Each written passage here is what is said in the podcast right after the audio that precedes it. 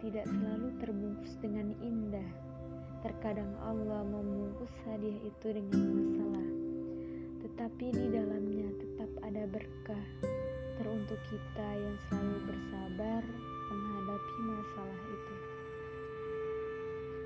Assalamualaikum warahmatullahi wabarakatuh. Perkenalkan nama saya Sito Herunisa dari AS19C program studi akuntansi syariah dari kampus Taisewi. Kali ini saya akan memenuhi tugas manajemen syariah di aplikasi Anshor. Episode kali ini saya akan membahas tentang manajemen syariah mengenai manajemen konflik dalam Islam. Berbicara tentang konflik, teman-teman, Tentunya kita dan semua orang beranggapan pada suatu hal yang negatif. Tentu pernyataan itu bisa saja kami benarkan, bisa saja kita benarkan dan semua orang pasti bisa membenarkan hal ini. Karena pada dasarnya suatu konflik adalah masalah dan masalah itu timbul akibat terdapat suatu hal yang negatif ataupun ketidaknyamanan terhadap diri sendiri ataupun terhadap orang lain. Teman-teman harus tahu pengertian konflik itu seperti apa sebenarnya ya teman-teman. Nah, kali ini saya akan menjelaskan sedikit mengenai pengertian konflik. Konflik sendiri dari kata bahasa Inggris teman-teman yaitu konflik yang berarti pertentangan dan perselisihan.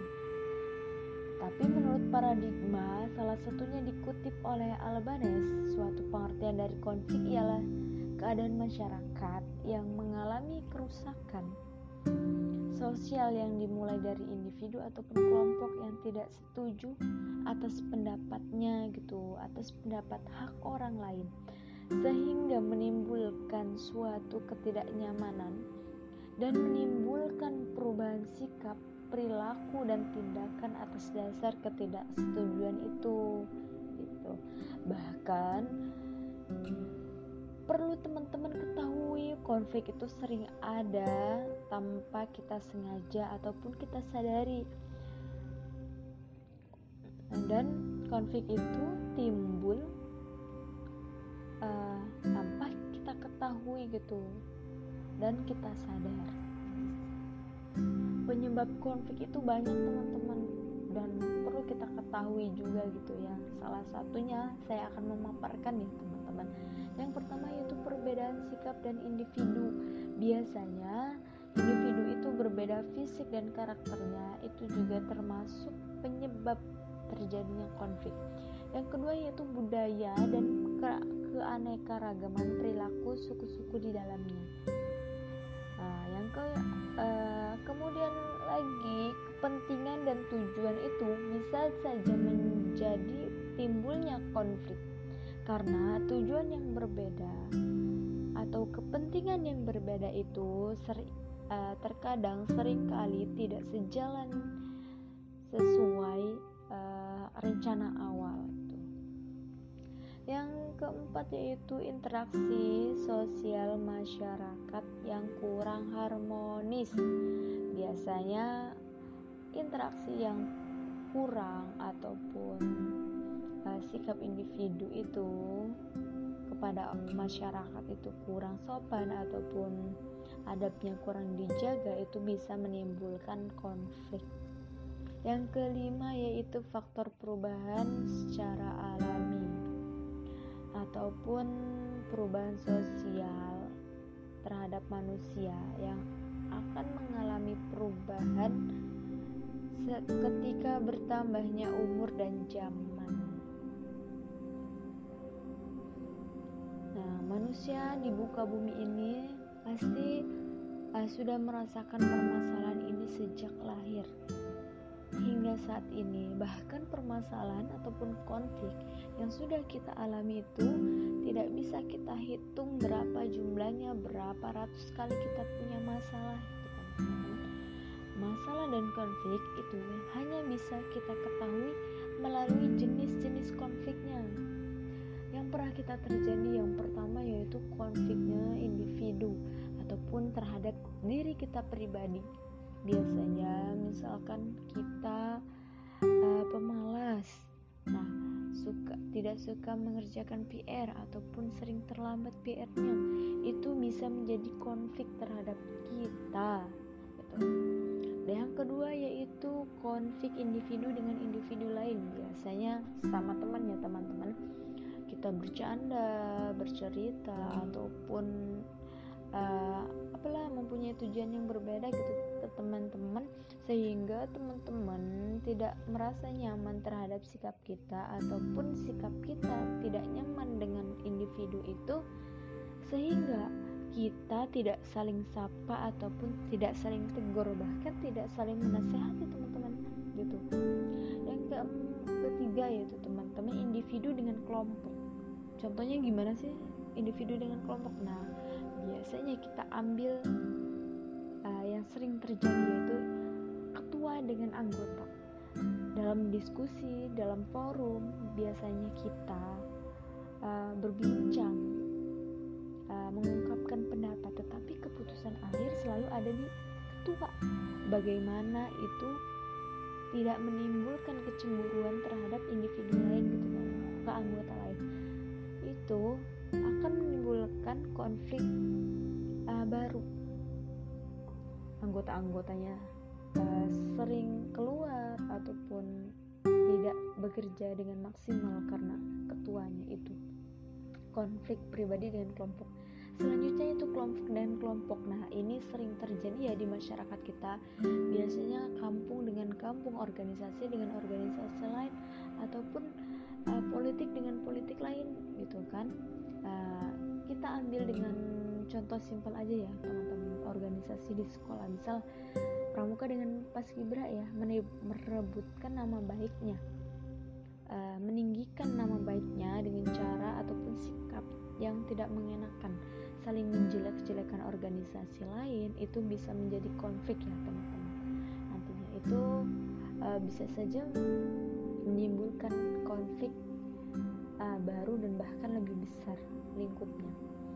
Teman-teman yang sedang menghadapi masalah yang berarti dan dan kadang membuat kita pusing sendiri teman-teman karena saya yakin semua itu pasti punya masalah yang membedakan ialah cara menyikapi masalah tersebut.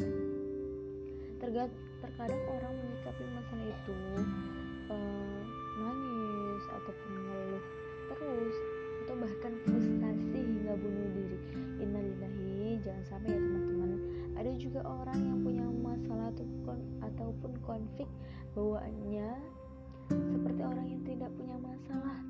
Masya Allah banget ya teman-teman tapi uh, kita juga jangan sampai menutup diri untuk berbagi cerita barangkali teman kita ataupun saudari kita menceritakan uh, ketika kita menceritakan uh, mereka punya solusi untuk kita gitu teman-teman juga harus tahu bagaimana Islam mengajarkan kepada kita semua dalam menyelesaikan masalah itu yakin setiap masalah ada solusinya karena firman Allah Subhanahu wa taala Quran surat Al-Insyirah ayat 6 berfirman, maka sesungguhnya sesudah kesulitan ada kemudahan dan bersama kesulitan pasti ada kemudahan. Nah, itu juga sudah dijelaskan kepada Al-Qur'an untuk kita semua gitu, pengingat bahwa masalah itu selalu ada solusinya. Maka inilah cara-cara Islam mengajarkan kita menyelesaikan masalah. Yang pertama mengucapkan istirja. Apa itu istirja? Mari kita baca bersama-sama. Inna lillahi wa inna ilaihi rajiun. Sesungguhnya kami adalah milik Allah dan kepadalah kami, kepadanya lah kami kembali. Quran Surat Al-Baqarah ayat 156. Nah, kalimat inilah teman-teman yang akan membuat kita dan tentram menerima dengan ikhlas bukti kasih sayang Allah kepada makhluknya. Yang kedua, permelahan jangan tergesa-gesa kalau terjadi masalah. Karena kalau kita tergesa-gesa itu akan menimbulkan masalah baru. Karena sesuatu yang tergesa-gesa itu biasanya ber, e, menyelesaikan masalah secara simpel dan tidak berpikir secara matang sehingga terjadilah masalah baru gitu. Yang ke kemudian yaitu bersabar. Sabar kita harus lakukan jika kita tidak bersabar. Kita akan selalu merasa putus asa dan tidak akan menyelesaikan masalah. Bersabarlah uh, eh, sambil kita mencari jalan keluarnya kemudian bersangkalah baik bersangkalah baik kepada Allah bersangkalah baik kepada makhluknya dan sesama lawan konflik. Barangkali ini sebagai rasa sayang Allah kepada kita sebagai makhluknya. Bersangkalah baik kepada lawan konflik kita atau ke teman-teman kita. Barangkali menurut kita baik tetapi tidak menurut eh, menurut tetapi tidak baik menurut teman kita atau lawan konflik kita diam dan menyelesaikan masalah. Dan menyembunyikan masalah. Jangan sampai kita mengumbar-umbarkan masalah. Dan sampai kita bercerita ke sana sini untuk mencari sensasi ya teman-teman. Allah saja sudah menutup aib kita masa kita sebagai makhluknya dengan sendirinya mengumbar-umbarnya berceritalah kalau ingin bercerita sesuai dengan bidang konflik kita sehingga bisa uh, akan uh, menyelesaikan masalah. Mencari solusinya dengan ahlinya yaitu yang tadi ya teman-teman. Bercerita kepada ahlinya. Misal kita punya masalah tentang warisan yang harus kita ceritakan yaitu yang bersangkutan di bidang warisan yang mengerti pembagian warisan itu seperti apa. Seberapa warisan itu sebenarnya yang kita harus bagikan? Nah itu. Ada konflik tentang orang berkebutuhan khusus kepada anaknya yang maka yang harus kita terjunkan yaitu psikolog sesuai dengan bidang anak kita agar dia yang mengatasi masalah itu gitu. Karena dia yang mengetahui bagaimana keadaan anak kita gitu ya teman-teman. Nah dalam uh, kita selalu berdoa ya teman-teman untuk menyelesaikan masalah itu kepada Allah. Banyak-banyak istighfar barangkali ini pengingat untuk kita sebagai makhluk Allah yang sering kali lalai dan tawakallah kepada Allah agar nikmat kebahagiaan Allah berikan kembali dengan utuh dan semakin bertumbuh.